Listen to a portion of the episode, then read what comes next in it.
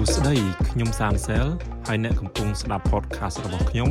So Random ជាធម្មតាខ្ញុំចូលចិត្តស្ដាប់ច្រើនជាងនិយាយតែពេលនេះខ្ញុំចង់នាំអ្នកមកស្ដាប់ពិភពរបស់ខ្ញុំអំពីគំនិតរាយប៉ាយនានាដែលកើតឡើងបន្ទាប់ពីការសមាធិរបស់ខ្ញុំខ្ញុំសង្ឃឹមថាអ្នកនឹងចាប់អារម្មណ៍ឬមួយក៏អាចយល់ថាមានប្រយោជន៍សួស្តីអ្នកទាំងអស់គ្នាខ្ញុំសង្ឃឹមថាអ្នកទាំងអស់គ្នាសុខសប្បាយជាធម្មតា ហើយសូមអរគុណដែលបានបើកស្ដាប់ So Random ហើយខ្ញុំសូមអរគុណដល់អ្នកដែលបានបើកស្ដាប់នាពេលកន្លងមកអ្នកទាំងអស់គ្នាគឺជាអ្នកគ្រប់គ្រងទី1ដែលធ្វើឲ្យកម្មវិធី So Random នេះអាចដំណើរការរហូតមកដល់ពេលសប្តាហ៍ថ្ងៃនេះ នៅក្នុងភាគនេះខ្ញុំចង់ទៅចែកអំពីគំនិតបត់បែនខ្ញុំកំពុងតែអានសៀវភៅមួយក្បាលដែលមានចំណងជើងថា The Laws of Human Nature ឬក៏ច្បាប់នៃធម្មជាតិរបស់មនុស្សដែលនិពន្ធដោយលោក Robert Greene ខ្ញុំចង់ធ្វើការឆ្លុះបញ្ចាំងអំពីអ្វីដែលខ្ញុំបានអានហើយចង់ចែករំលែកអំពីការឆ្លុះបញ្ចាំងនេះ ជាមួយអ្នកទាំងអស់គ្នាអញ្ចឹងចំណុចដែលខ្ញុំគិតថាចាប់អារម្មណ៍ជាងគេនោះគឺ អំពីការផ្លាស់ប្ដូរការគិតរបស់យើង ដែលអ្នកនិពន្ធគាត់បានបញ្ជាក់ថា នៅពេលដែលយើងធ្វើឲ្យការគិតរបស់យើងនឹងមានមានភាពបត់បែនយើងអាចទទួលបានចំណេះដឹងព័ត៌មាននិងការយល់ដឹងផ្សេងផ្សេងថ្មីជាច្រើន ពីមនុស្សជុំវិញខ្លួន ដែលយើងប្រស័យតាក់ទងជាមួយអញ្ចឹងអ្នកទាំងអស់គ្នា ប្រហែលជាធ្លាប់មានអារម្មណ៍ថាអត់សនុកចិត្តទេ នៅពេលដែលមិត្តភ័ក្តិបងប្អូន ឬក៏កូន ប្រឆាំងឬក៏បដិសេធនឹងគំនិតយោបល់ល្អល្អដែលអ្នកទាំងអស់គ្នាគិតថាអ្វីដែលអ្នកទាំងអស់គ្នាចែករំលែកអ្វីដែលអ្នកទាំងអស់គ្នាផ្ដល់យោបល់ទៅឲ្យពួកគាត់នឹងគឺដើម្បីផលប្រយោជន៍របស់ពួកគាត់ គឺដើម្បីចង់ឲ្យពួកគាត់ល្អ ហើយប្រហែលជាការដែលពួកគាត់បដិសេធរឹងតតឹងមិនទទួលយកនឹងអ្នកទាំងអស់គ្នាអាចគិតថាមកពីពួកគាត់នឹងអត់ទាន់យល់ពីចំណុចនឹងឬក៏រឹងតតឹងប៉ុន្តែពេលខ្លះយើងខ្លួនឯងនេះមិនបានដឹងថាតាមពិតខ្លួនឯងនឹងក៏មិនងាយទទួលយកមតិយោបល់របស់អ្នកដទៃដែរមិនថាថាបងប្អូនចិត្តស្និទ្ធគ្រួសារគ្រូឬក៏អ្នកផ្សេងណាទេ យើងពេលខ្លះភ្លេចអំពីភាពរឹងរូសរបស់ខ្លួនឯងដែរភាពរឹងរូសនេះវាអាចធ្វើឲ្យយើងបាត់បង់អំណាចនៃភាពច្នៃប្រឌិត ហើយនឹងការទទួលយកព័ត៌មានចំណេះដឹងថ្មីថ្មីបានឥឡូវនេះយើងសាកក្រឡេកទៅមើលកាលពីពេលនៅក្មេងកាលពីក្មេង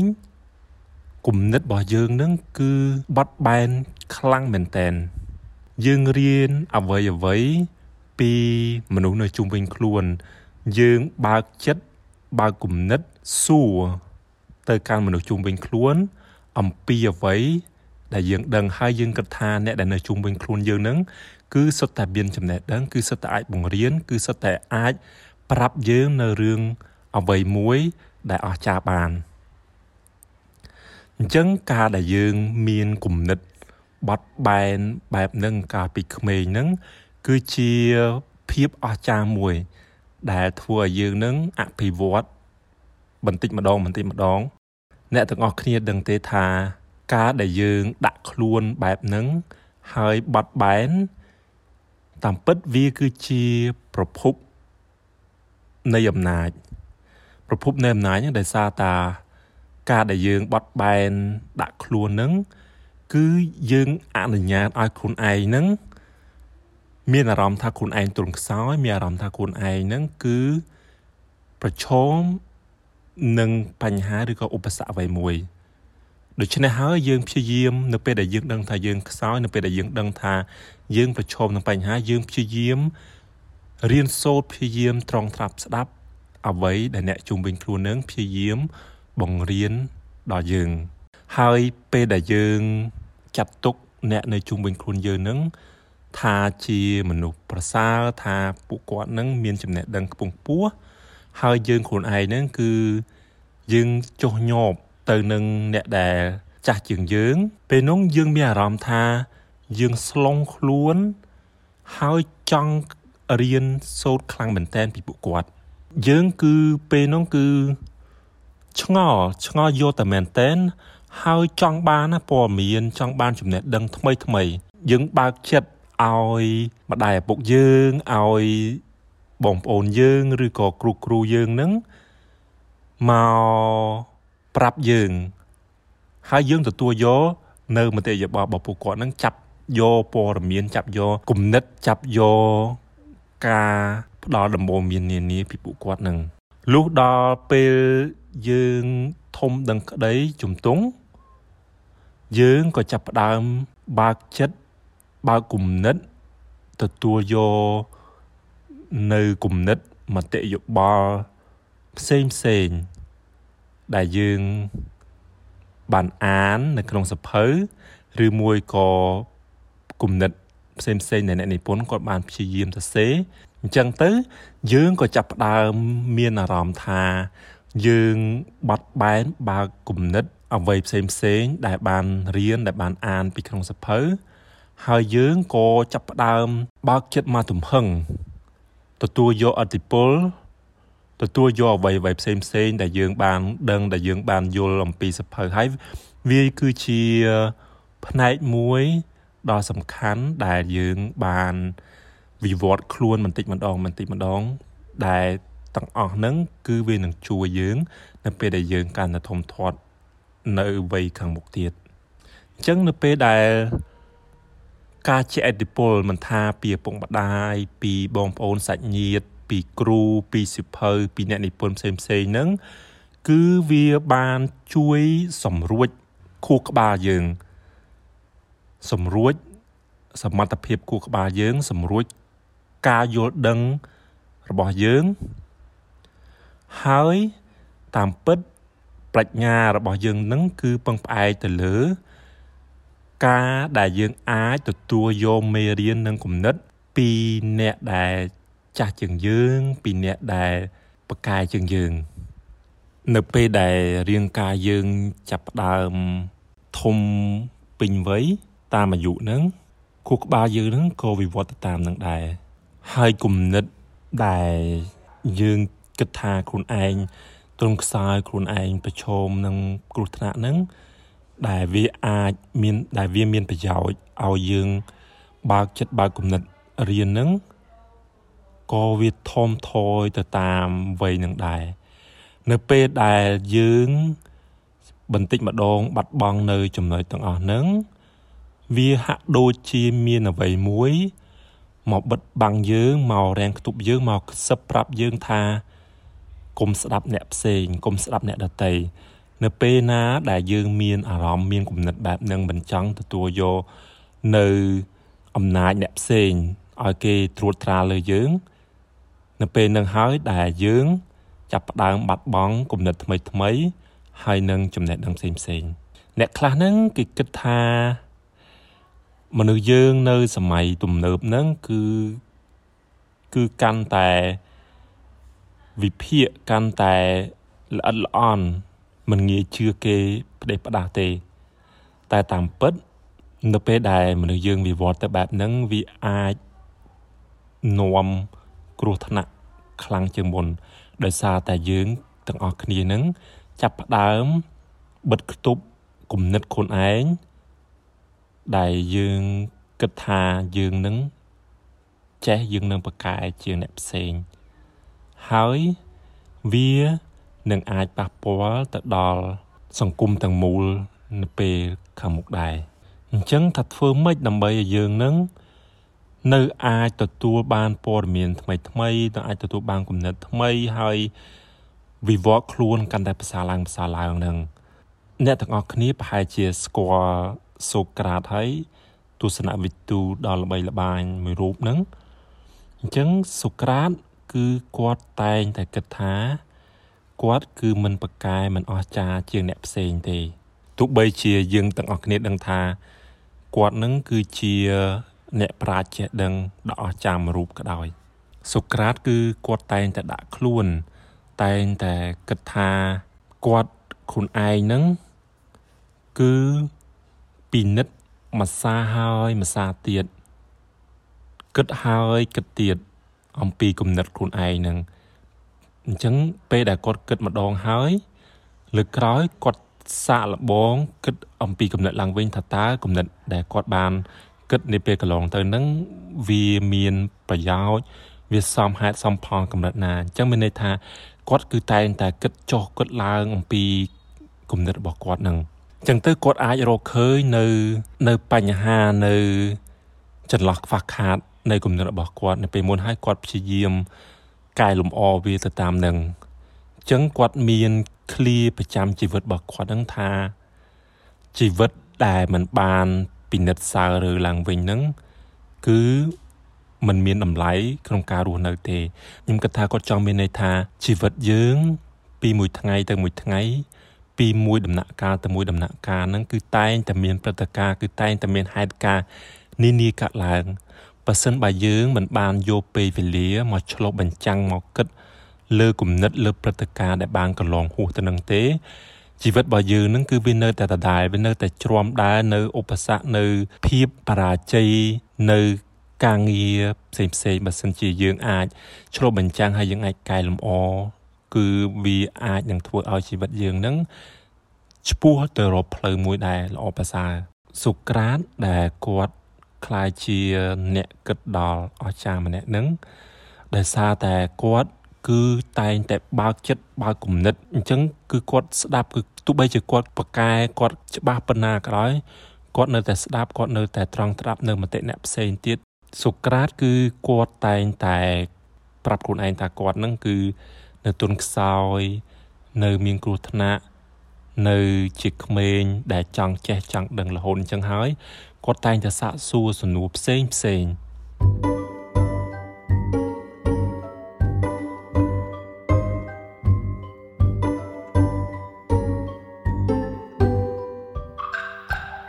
ឥឡូវនេះយើងសាកល្បងគិតតាមផ្លូវបែបនេះ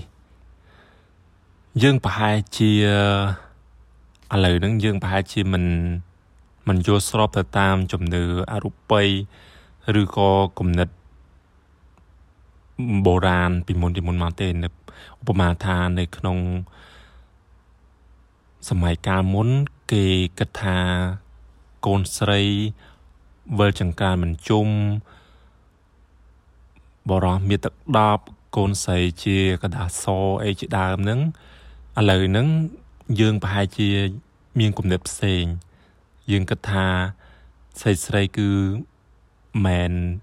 វិលតែចង្ក្រានឯគាត់អាចធ្វើអ្វីលើពីចង្ក្រាន ឬក៏កូនប្រុសកូនស្រីគឺបើគាត់រៀបចំខ្លួនល្អប្រសើរគឺគាត់ល្អដូចគ្នា បើគាត់ប្រព្រឹត្តខុសហ្នឹងគឺគាត់មានកំហុសដូចគ្នាមិនមិនប្រកាន់ថា ប្រុសឬក៏ស្រីទេប៉ុន្តែឥឡូវអ្នកទាំងអស់គ្នាសាកសម័យអំពីគំនិត ដែលកំពុងតែកើតឡើងនៅក្នុងពេលវេលាលើនេះឧទាហរណ៍ថាស្រីហើយនិងប្រុសហ្នឹងគឺគាត់ត្រូវតែខិតខំប្រឹងប្រែងដូចគ្នា ម្នាក់ម្នាក់ហ្នឹងគួរតែខំរៀនសូត្រឬមួយក៏កូនកូននឹងគាត់មានសិទ្ធិសេរីភាពក្នុងការជ្រើសរើសជីវិតខ្លួនឯងពេលគាត់រើសជំនាញរៀនបន្តនៅមហាវិទ្យាល័យហ្នឹងកូនកូនគឺគាត់ ជាអ្នករើសមិនមែនម្ដាយឪពុកជាអ្នកចង្អុលឲ្យបង្ហាញថាត្រូវរៀនមុខវិជ្ជាណាមុខវិជ្ជាណាហ្នឹងគឺជាគំនិតដែលយើងគិតថាជាគំនិតទាន់សម័យនៅពេលបច្ចុប្បន្នហ្នឹងតែយើងអត់ដឹងទេថា20ឆ្នាំ100ឆ្នាំ2 3សតវត្សទៅមុខទៀតនឹងមនុស្សចំនួនក្រោយនឹងគេនឹងវិតម្លៃគិតមកលើគំនិតយើងនៅពេលបច្ចុប្បន្នដែលយើងគិតថាជាគំនិតទាន់សម័យហ្នឹង គេនឹងគិតថាជាទាន់សម័យឬក៏ជាគំនិតចាស់គំរិលហើយគេនឹងមានគំនិតអ្វីផ្សេងទៀតដែលគេគិតថាល្អប្រសើរជាងពួកយើងនៅពេលឥឡូវហ្នឹងអញ្ចឹងចំណេះដឹងនៅក្នុងពិភពលោកហ្នឹងគឺមានកម្រិតមានន័យថាអ្វីអ្វីដែលដែលយើងគិតថាជាការពិតដែលយើងគិតថាជាភាពប្រសើរនឹងមិនប្រកាសថានឹងជាការពិតនឹងជាភាពប្រសើរជាអមតៈឯ ចំណេះដឹងវានឹងវិវត្តទៅតាមសម័យកាលនីមួយៗគំនិតរបស់យើងនឹងភាកច្រើនគឺតែងតែជាអតិពលដោយសារតែរបត់សង្គមដោយសារតែសម្ពាធសង្គមទំនៀមទម្លាប់ប្រពៃណីដែលម្ដាយឪពុកយើងឬក៏វប្បធម៌យើងឬក៏របបសម័យកាលប្រវត្តិសាស្ត្រណាមួយ ដែលយើងរស់នៅបើសិនបើយើង ព្យាយាមបើកចិត្តបើកគំនិតថាអ្វីដែលយើងដឹងឥឡូវហ្នឹងគឺនៅមានរបស់ច្រើនទៀតដែលយើងអត់ទាន់បានដឹងចឹងហើយនៅពេលហ្នឹងគឺយើងនឹងចាប់ផ្ដើម ស្វែងយល់ចង់ដឹងចង់ឮចង់ឃើញបន្ថែមទៀតវាធ្វើឲ្យគំនិតយើងនឹងគឺចេះតែវិវត្តគឺចេះតែរីកចម្រើនទៅបើសិនជានិយាយអំពីគំនិត ដែលអ្នកទាំងអស់គ្នាប្រកាន់យកវាហាក់បីដូចជាគ្រឿងក្មេងលេងដែលអ្នកកំពុងតែលេងអញ្ចឹងអញ្ចឹងបើសិនបើអ្នកទាំងអស់គ្នាទុកអាគ្រឿងក្មេងលេងហ្នឹងអញ្ចឹងគ្រឿងក្មេងលេងហ្នឹងខ្លះទៅទាំងអស់គ្នាក៏នៅតែចូលចិត្តវាទោះបីជាអ្នកទាំងអស់គ្នានឹងលេងវារាប់សិបឆ្នាំក៏ដោយក៏ប៉ុន្តែរបស់លេងមួយចំនួនហ្នឹង អ្នកទាំងអស់គ្នាលេងបានតាមមួយរយៈខ្លីជួនកាលមួយអាទិត្យឬក៏ពេលខ្លះមិនដល់មួយអាទិត្យផងអ្នកទាំងអស់គ្នាធុញ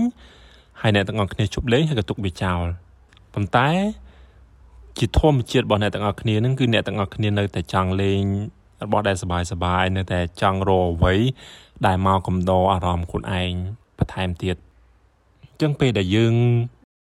បើកចិត្តខ្លួនឯងទទួលយកនៅអតិពល